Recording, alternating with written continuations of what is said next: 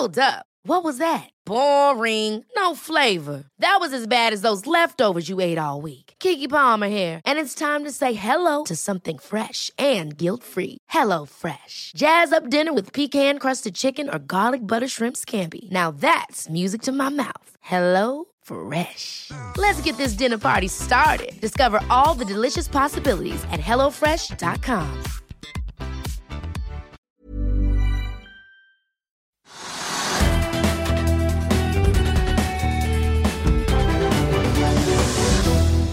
Det er eh, mandag 13.9. Velkommen til Økonominyhetene. Etter 32 år i DNB trapper Ottar Ertseid eh, nå ned. Han har ledet meglerhuset DNB Markets i 18 år og har vært finansdirektør de siste to årene.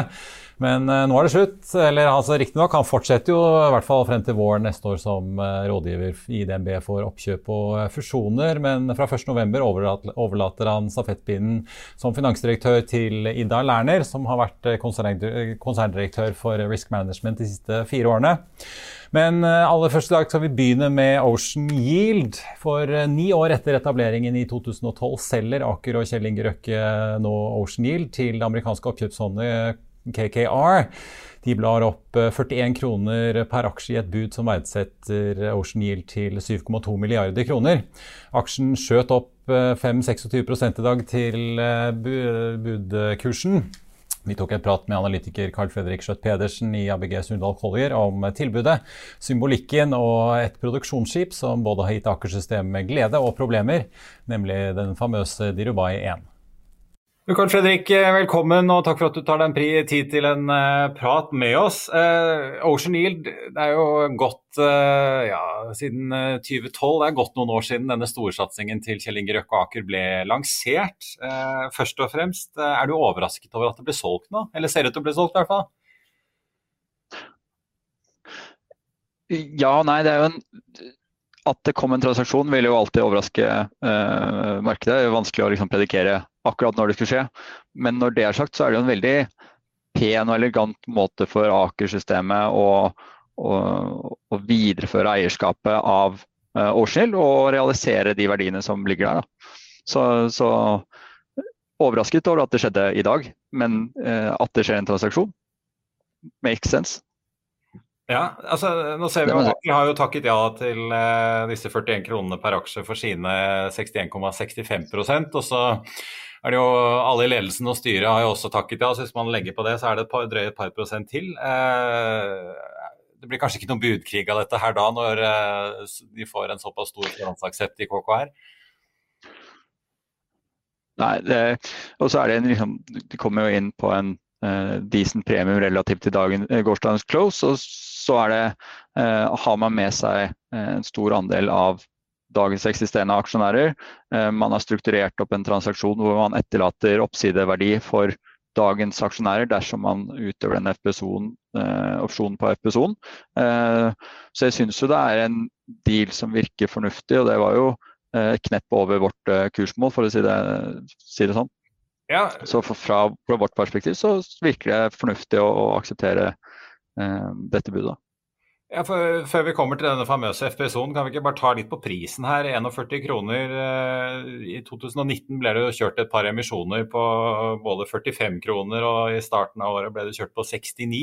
Den aksjen har jo vært nesten oppe i 75 kroner de siste fem årene. Fikk seg jo en alvorlig knekk under pandemien i fjor. Eh, hva, hva kan vi egentlig si om denne prisen på 41? Er det det beste man kan få nå?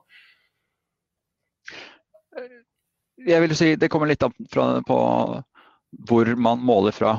Relativt til i dag så vil jeg jo si at det er en god pris. Relativt til Aker sin historiske investering så er det en god pris. Så er det jo komponenter som har gjort at vi har blitt skuffet underveis her, og at aksjen har eh, kommet ned til 30-tallet som den har handlet på i, i senere tid. Og det er jo at um, den FPSO-en som gikk på kontrakt i India, den genererte et veldig bra EBITDA-bidrag. 115 millioner dollar i året. Eh, det var en forventning om at den skulle forlenges, så skjedde ikke det. Så kom det en ny forventning om at eh, denne FPSO-en potensielt kunne gå på kontrakt med Aker Energy. Eh, og så skjedde ikke det. Og i forbindelse med, med covid-19 og oljeprisfallet så ble jo investeringsbeslutninger innen olje og gass strupet kraftig inn. Så da ble jo muligheten og opsjonalitetsverdien til den FPSO-en redusert ytterligere. Eh, så hvis vi ser fra hvor vi sto i går, så vil jeg jo si at det er kanskje en decent pris. Aker har fått en bra investering på totalt sett. De har jo historisk investert rundt 2,5 milliard eh, norske kroner, eh, både i eierandeler og gjennom eh, kapitalutstedelser. Så har de fått et utbytte på 3,8 milliarder, og nå får de 4,4 milliarder til. Så er det klart at det er en lang tidsperiode, men samlet 3,5 ganger investeringen og en IRR på rundt 26% som vi estimerer det. Det er jo ikke så dårlig, det. Jeg vil si det er ganske bra. Ja, for, altså for, de som ikke er så inne i Ocean Yield, eh, dette produksjonsskipet FPSO-en Dirobai 1 var jo lenge nesten en sånn gulvkalv. Det jo en, utgjorde en betydelig del av porteføljen. og, og De fikk jo masse inntekter, men så mistet jo denne kontrakten i India i, i 2018. og eh, Selskapet har jo tatt mye tap og nedskrivninger i regnskapet på dette her. Eh, så det er jo alle disse andre skipene, selv om flåten har økt, de var ikke nok til å oppveie for bortfall av den kontrakten der, altså. Nei, det kan du si. Eh, det er jo et selskap som kom fra å være tre fartøy til å nå være 63 fartøy. Og det som tillot den veksten, var jo at du hadde en veldig bra eh, EBITDA-bidrag og kontantstrømgenerering fra FPSO-en. Og så var det jo klart at forventningene til inntjeningen fra den FPSO-en var jo jo, har i ettertid vært høyere enn det den har klart å levere, fordi den ikke har fått forlengelse på kontrakt og ikke fått utdelt noen ny kontrakt. Men for å lage et grunnlag for å vokse selskapet, så har den jo levert som bare det.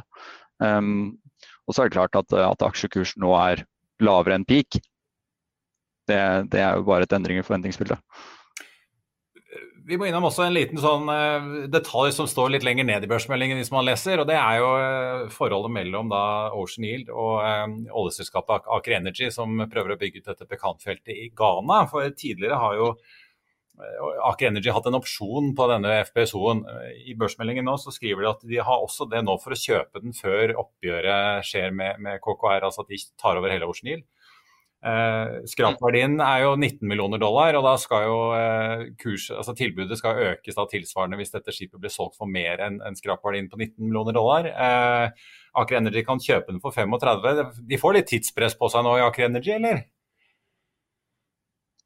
Ja, absolutt. Og det er jo eh, Som aksjonær i Ocean Yield så syns jeg jo at dette ikke som meg, men for aksjonærer i. Eh, og Ocean Yield, er jo selvfølgelig begrenset fra å investere i, den type selskap, men for aksjonærer i uh, Ocean Yield, så er jo dette en fin måte å sørge for at man fortsatt har en siste opsjonalitet på verdien på FPSO-en. Det skaper en opsjonalitet også for de partnerne som man har jobbet med, til å, å avslutte sine beslutninger og vurdere er dette en transaksjon som vi ønsker å ha. altså Ønsker vi denne FPSO-en, da må vi bestemme oss nå. Så har man sett, eh, satt denne opsjonsprisen såpass lavt, eh, kun 35 millioner dollar, som bør være ganske stimulerende for, for selskap sånn som Aker Energy, eller potensielt andre, til å, å, komme inn og legge et bud på, på FPSO-en. Og på den måten sørge for at Ocean Yield-aksjonærene får verdien. FPSO-en går ut av porteføljen. Uh, Ocean Yield blir i enda større grad rendyrket som det selskapet som det er i dag, som er et, heller et selskap bestående av moderne uh, skip heller enn oil service-relatert næring.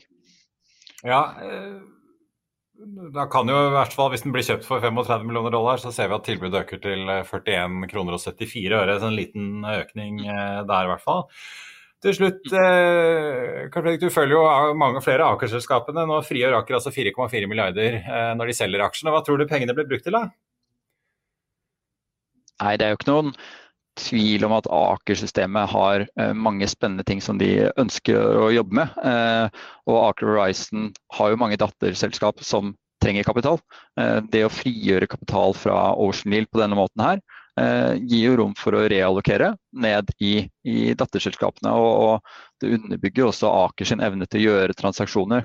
De har, eh, Aker-systemet har jo orkestrert opp et sammenslåing mellom Aker og BP til å være Aker BP. De har jo kjøpt fra Hess, og de har jo klart å gjøre Cognite til et eh, selskap hvor du har fått inn Excel som partner. Så, det, så, dette her er jo et system som har vært flinke til å gjøre transaksjoner, og det å synliggjøre den evnen ved også å selge Ocean og da mest sannsynlig reallokere pengene inn i, i grønn vekst, virker kjempefornuftig. Det gjør det. Aker har i hvert fall lovet at de skal komme med et selskap som skal finansiere karbonfangstanlegg, men om det blir det eller noe annet, gjenstår å se. Carl Fredrik Schjøtt-Pedersen i ABG Sundal takk for at du var med oss.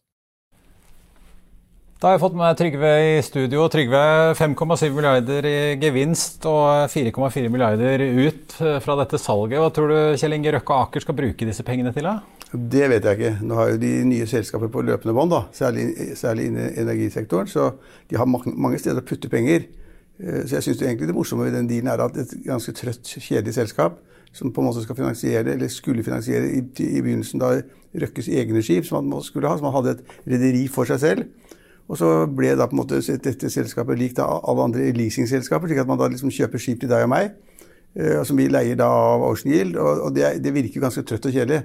Men det som er poenget som kanskje ikke er kommet helt frem, det er at den type selskaper, så leasing and shipping, de er veldig smarte hvis du er flink og hvis du får det til og tjener penger, fordi det er veldig giret. Altså, det er, vanlig shippingfinansiering er jo 80-20, så du setter inn 20% egenkapital og 80% lån.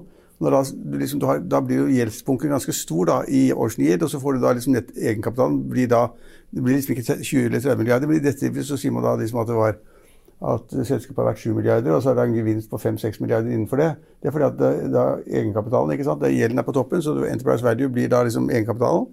Og det er ganske smart. Og så, er det ganske smart å ta profit av og til. Det syns jeg Røkke er ganske god til. fordi han, han, tar noen selskaper For det første så går han i markedet etter masse penger fra deg og meg og publikum. Det er smart når er, markedet er på topp, og så faller det kanskje med sten rett etterpå. Det er gjort i mange selskaper. 50 men, men det å ta ut av den gevinsten som ligger i Ocean Yield, som er på en måte, det, en, det, bare går og går. altså Med noen og 60 skip så går og går, og så kjøper de flere skip, og så er det flere redere som vil leie da og lease dem. Uh, og så tenker man liksom at ok, vi trenger masse penger fremover, som du spør om. Hva skal de bruke til? Og så tenker de ok, 4 milliarder, 5 milliarder ekstra i kassa, det er bra. Uh, og så ser du at det renner ut en del av de selskapene de har satt i gang. De har satt i gang fire-fem selskaper, enten det er karbonfangst eller det hydrogen eller ammoniakk eller hva det måtte være. Så de kommer til å trenge en del penger fremover, faktisk. Så det er aldri galt å ta en profit. Og når det er sånn stor som denne her, så tar man den uten noen risiko i noen ting. Hva sier de om at Aker klarer å få en aktør som KKR? Det er jo en stor amerikansk aktør som plutselig ja, har banket på døren på Fornebu? Ja, de er veldig gode. Altså, de er veldig gode, veldig vanskelig å snakke med. Jeg har vært borti dem. Og uh, masse gode folk, selvfølgelig. Det har vært utrolig mange dealer gjennom tider. Så de, liksom, de er tøffe. Men så har de åpenbart satt litt mer fokus på Europa. da, liksom Finne europeiske selskaper. Det kan godt tenkes at uh, Røkke selv eller da Øystein Eriksen har vært og liksom pitchet det. Det vet man jo aldri. Tatt, for, tatt fly over? Ja. Ville ikke forundret meg om de ikke har tatt fly over og liksom satt noe på, så har de kommet i kontakt med europasjefen, og så har de regnet på det. Regnet på det. Og så vil de KKR også da gjerne ha gode dealer som er litt langsiktige, sikre gode kontantstrømmer, tjene penger hele tiden, gir utbytte hele tiden. Det vil jo de ha. Det er ikke liksom bare å kjøpe et selskap for 100 kroner og så selge det for 200. Det er, det er liksom ikke, de, de, skal ha en portefølje av den type selskaper. så Det er, det er godt gjort altså, å få de på, for de er, de er vanskelige. De er, de er, vanskelig å gjøre en god deal med. og Her ser det ut som de har tenkt at kursen som du nevnte, altså 41 kroner, det er en god pris, for den har vært mye høyere før. Så får vi en inngang som er ganske bra, slik at hele dealen passer for KKI. Og så passer den også ganske godt for Røkke og hans selskaper akkurat nå. Men Hva sier oss eh, til slutt da om dette? her? Hva sier oss om, om eh, Røkke og Akers agenda? da? De la jo veldig mye i denne noteringen i 2000, altså etableringen og noteringen i 2012. Det var jo et ordentlig prestisjeprosjekt og ble jo en utviklingsmaskin. De har jo vært der i syv-åtte år eller hvor mange år ja. er det nå. Men, men det liksom, sier det noe om at fokuset deres rettes litt andre steder nå?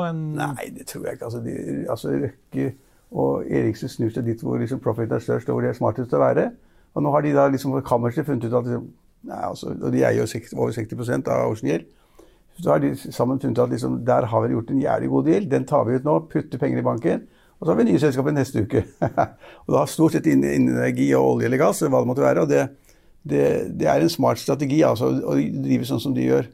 Vi får følge med. De forelsker seg ikke i aksjene sine heller. De går ut. ikke sant? Så det er, eh, De splitter opp og får med partner. og De, de, fikk, de ble jo selv partner i Aker BP, ikke sant? og liksom ble da partner i det største oljeselskapet i Norge osv., bortsett fra Equinor. Så altså, de gjør gang, mange, mange, smarte ting. Og det smarteste man gjør faktisk i business, det er å ta en profit av det. Det er ikke så dumt. Ofte. Vi må snakke om en, eh, en, nesten en legende i norsk finansnæring som eh, varsla at han trapper ned, Ottar Ertseid. Ja. Hva, hva, tenker du om det, nyheten om at han gir seg som finansdirektør? Han har jo vært, hatt mange forskjellige roller, ikke minst da sjef i meglerhuset DNB Markets i Norge. Han var jo aksjesjefen. Men altså, jeg, jeg, tror alle er overrasket. Men på den annen side nå tenke seg litt om. da. Liksom, hvor lenge var han i DNB? Liksom, var det 100 år, eller var det 30 år? 32 ble det. Ja, ja, ja. Og, Og, og, han har vært der lenge. og Han var kjempegod i DNB Markets. Jeg, tror, jeg husker liksom jeg var alltid imponert over tallene regnskapene kom. For DNB så, så man på tallene for Markets og tjente da Markets en milliard i kvartalet. Det var ganske bra, da. Han pumpet inn, og Hvis det var mindre enn en milliard, så var folk skuffet. ikke sant? Da var det litt mer enn en milliard, så tenkte man han er geni. Men han var systematisk god og var der hele tiden. Eh, og så ble han da, da Bråten rykket opp til konsernsjef, så ble han finansdirektør. Han kunne kanskje bli sjef, det tror jeg ikke, men uh, han er litt mer innadvendt enn å være sjef i DNB. Men de to paret var kjempebra sammen. Men så er det jo slik at han har jo hatt anledning til å tegne aksjer i DNB. Han er en av de flinkeste i klassen når det gjelder aksjer. Så blir det jo til at han etter hvert liksom blir småinvestor, på si. Og det kan han ikke være som altså nestsjef. Han er i realiteten nestsjef i banken. Og han kan ikke være det å samtidig bygge opp en privat formue som han skal forvalte selv. Det går ikke. Så han har hatt et stygt valg. Sittet der som nestkommanderende under Kjerstin Bråten i tre, fire, fem, seks år til. Da hadde han vært i DNB 40 år, liksom. Eller da ta spranget ut, som han har sett mange av vennene sine, mange av hans bekjente, mange av hans kollegaer i, i, i finans. De har liksom tatt, tatt, Den oppgangen vi har nå, så er liksom, det er liksom det inn og gå ut og skaffe seg en portefølje og jobbe med den istedenfor. Og så har han valgt det. Det, det skjønner jeg. Det, faktisk, det, skjønner jeg. Ja, vi skriver jo om det i Finansavisen i dag. Altså, han har jo eh, i tillegg til å trille, trille ballast med penger fra Markets over til konsernledelsen under Unni Bjerkon og Kjersti Bråten, så har han jo fått veldig godt betalt. Han har jo vært den best ja. betalte DNB-lederen. Har han ikke tjent 10 millioner i året eller noe sånt? Ja, over det, ja. ja jo, altså, han, han begynner jo å få en ordentlig god formue som han må ja, sette et eller annet sted. Men, men han har et veldig godt eksempel på én ting, og det er det at liksom veldig gode forvaltere veldig gode som på en måte forvalter andre privates penger, eller i større selskaper, eller hvor det måtte være, så må du betale de beste mer. Du kan liksom ikke stikke av gårde med Hertseid og si at du skal tjene to millioner i året. Det går ikke. Det er sikkert noen som vil prøve det i offentlig forvaltning og si at ingen skal tjene mer enn statsministeren på 1,7 millioner. Dette, han har betalt etter markedspris. Han kunne gått hvor som helst og fått en annen jobb. Forvaltet et uh, selskap, enten et, et meglerfirma A eller B eller C, og gjort en helt sikkert en god jobb. Så han ble betalt ut fra at han på en måte ikke Det var kanskje ikke nødvendig å få så mye penger for å liksom ta den jobben, men det er markedsbetingelser innen den sektoren, og den har han fått godt betalt for. Vel fortjent, spør du meg. Ja. Vi får notere at DNB-aksjen er så vidt opp i dag, så ingen, ingen panikk hos eierne. Men uh, nå er det da Ida Lerner som uh, tar over. Hun har jo vært 14 år i DNB, også jobbet i HSBC og Nordea. Hva, betyr, hva, hva, sier det at to kvinner plutselig sitter på toppen i Norges jo, jo, største bank og en av Nordens største banker? Det er kjempebra. og DNB har vært veldig flinke nedover i alle ledd i hele banken. og på en måte lete etter kvinnelige talenter og, og, og, ha dem gående i banken ganske lenge. Vi har hatt masse gode folk der, og det er veldig bra. Jeg kjenner ikke henne, eh, men hun har vært lenge i banken. da. Så liksom man kunne tenke seg at etter å ha hatt liksom en person som har vært der i 30 år omtrent, og så en som har vært der i 14? Vært der i 14 det kanskje blir litt mye, det finnes ikke folk utenfor systemet, mens de fleste vil si at det er veldig bra at man finner dem innenfor systemet. Men man kan jo stille spørsmål til deg om leste de godt nok. De sier jo at de hadde ekstraordinært styremøte på søndag. Ok, på søndag er ikke så veldig lenge siden, det var i går. da hadde de ekstraordinært styremøte om kvelden, og da fikk de da oppsigelsesbrevet fra Ertseid. Og samtidig altså Det er ikke til å tro. Samtidig så fant de da den nye, nye sjefen, eh, ny finansdirektør. Ja, det gikk veldig fort, da. Kjerstin Bråten har kanskje hatt en idé om hvem hun ville idé, sette inn hvis Ottar skulle slutte? Ja, det, det, nettopp er en veldig god uh, konklusjon på det. Dette har jeg jobbet med en stund. Liksom, hva, hva, skjer hvis han forsvinner? Fått noen signaler om det et eller annet, i en eller annen form. Uh, og så hadde de henne klar med en gang. Det er ikke slik at Du kan ikke gå fra styremøtet om kvelden og så gå ut døra, og så plutselig står da den nye nestsjefen i banken der. Sånn er det jo ikke.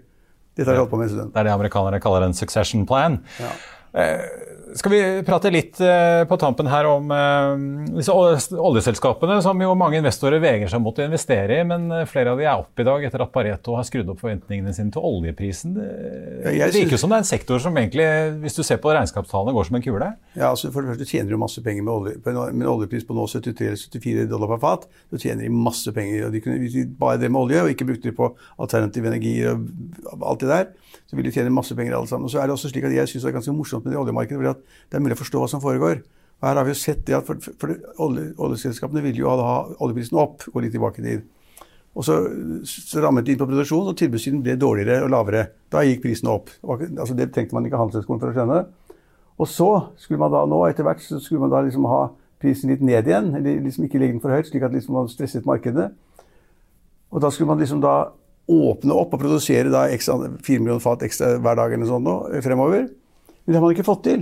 Man har, man har ikke produsert 4 millioner fat mer ekstra per dag innen OPEC og Russland, men man har produsert kanskje 1 eller 2 millioner fat. Tallene er det ingen som har de nøyaktige tallene. Uh, og da når da man skjønner at å, OPEC de tar, slipper ikke opp mer, det blir, det blir ikke tilbudssynet blir ikke så stor som man hadde tenkt seg. Men etterspørselen den øker. Man skal liksom da ha 100 millioner fat hver dag til forskjellig eh, bruk. Og Dermed så snur markedet og sier vel, vel, da kan prisen gå til 80 dollar per fat, eller 85 eller 75 eller hva det måtte være. Og det er jo helt riktig. Når da OPEC-landet ikke følger det de sier, nemlig å øke produksjonen for å få tilbudssiden ned, ja, så er jo svaret gitt. Da må kanskje prisen opp.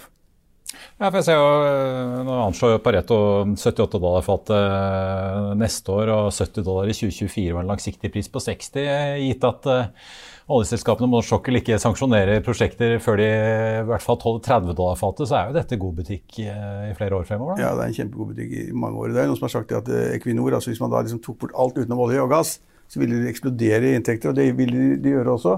Oljeprisen er på vei oppover. da, 74 dollar per fat er 74 dollar per fat.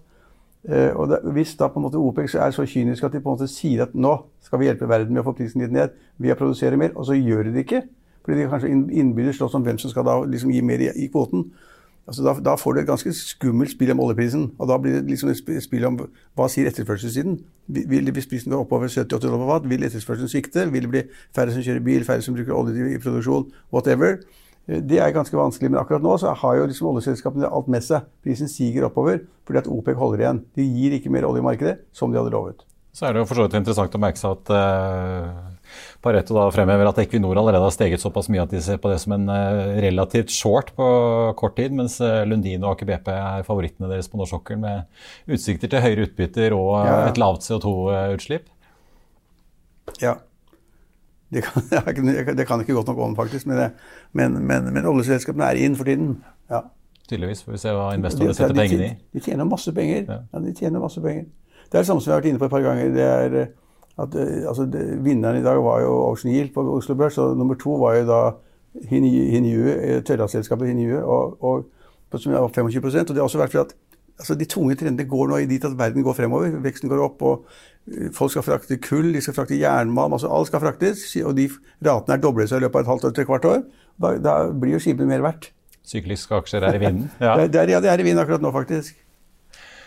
Trygve, takk skal du ha. Vi skal straks eh, ha en eh, børsoversikt eh, rett etter dette.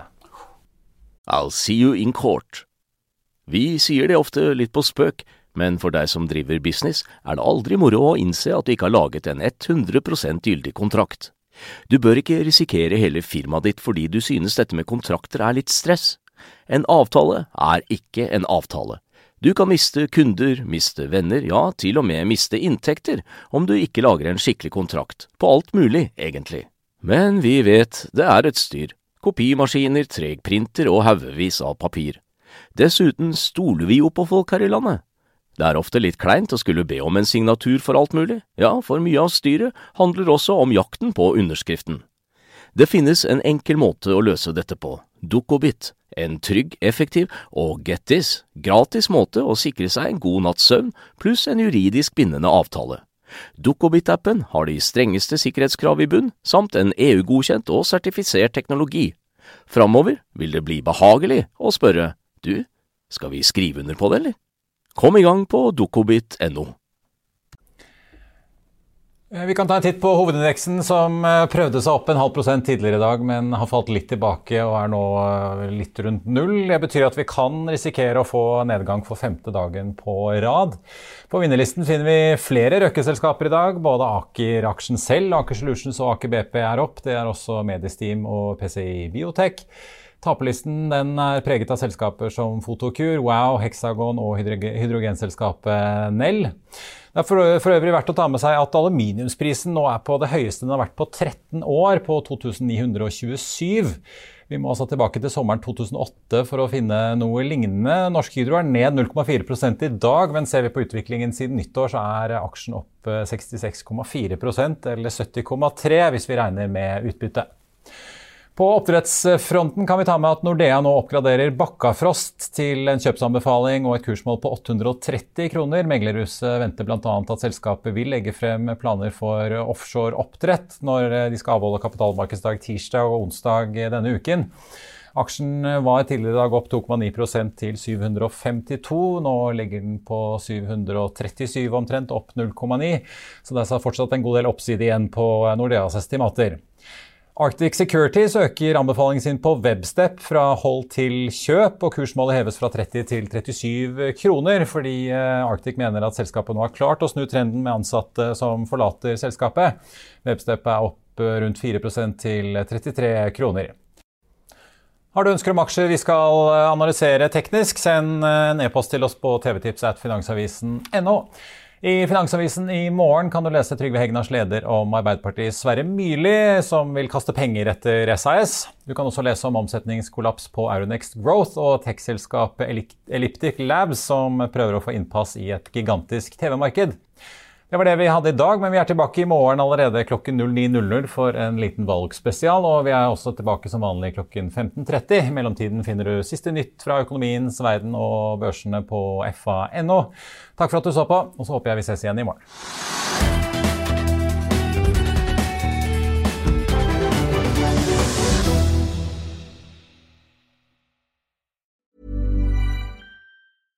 Ever catch yourself eating the same flavorless dinner three days in a row? Dreaming of something better? Well, HelloFresh is your guilt-free dream come true, baby. It's me, Kiki Palmer. Let's wake up those taste buds with hot, juicy pecan-crusted chicken or garlic butter shrimp scampi. Mm. Hello Fresh. Stop dreaming of all the delicious possibilities and dig in at HelloFresh.com. Let's get this dinner party started.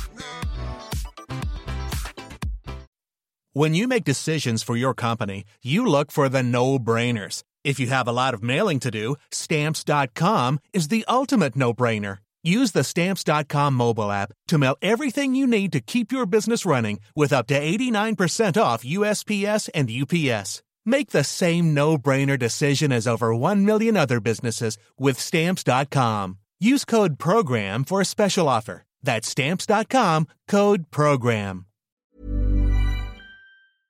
Økonominyhetene er en podkast fra Finansavisen. Programledere er Marius Lorentzen, Stein Ove Haugen og Benedikte Storm Bamvik. Produsenter er Lars Brenden Skram og Bashar Johar. Og ansvarlig redaktør er Trygve Hegnar.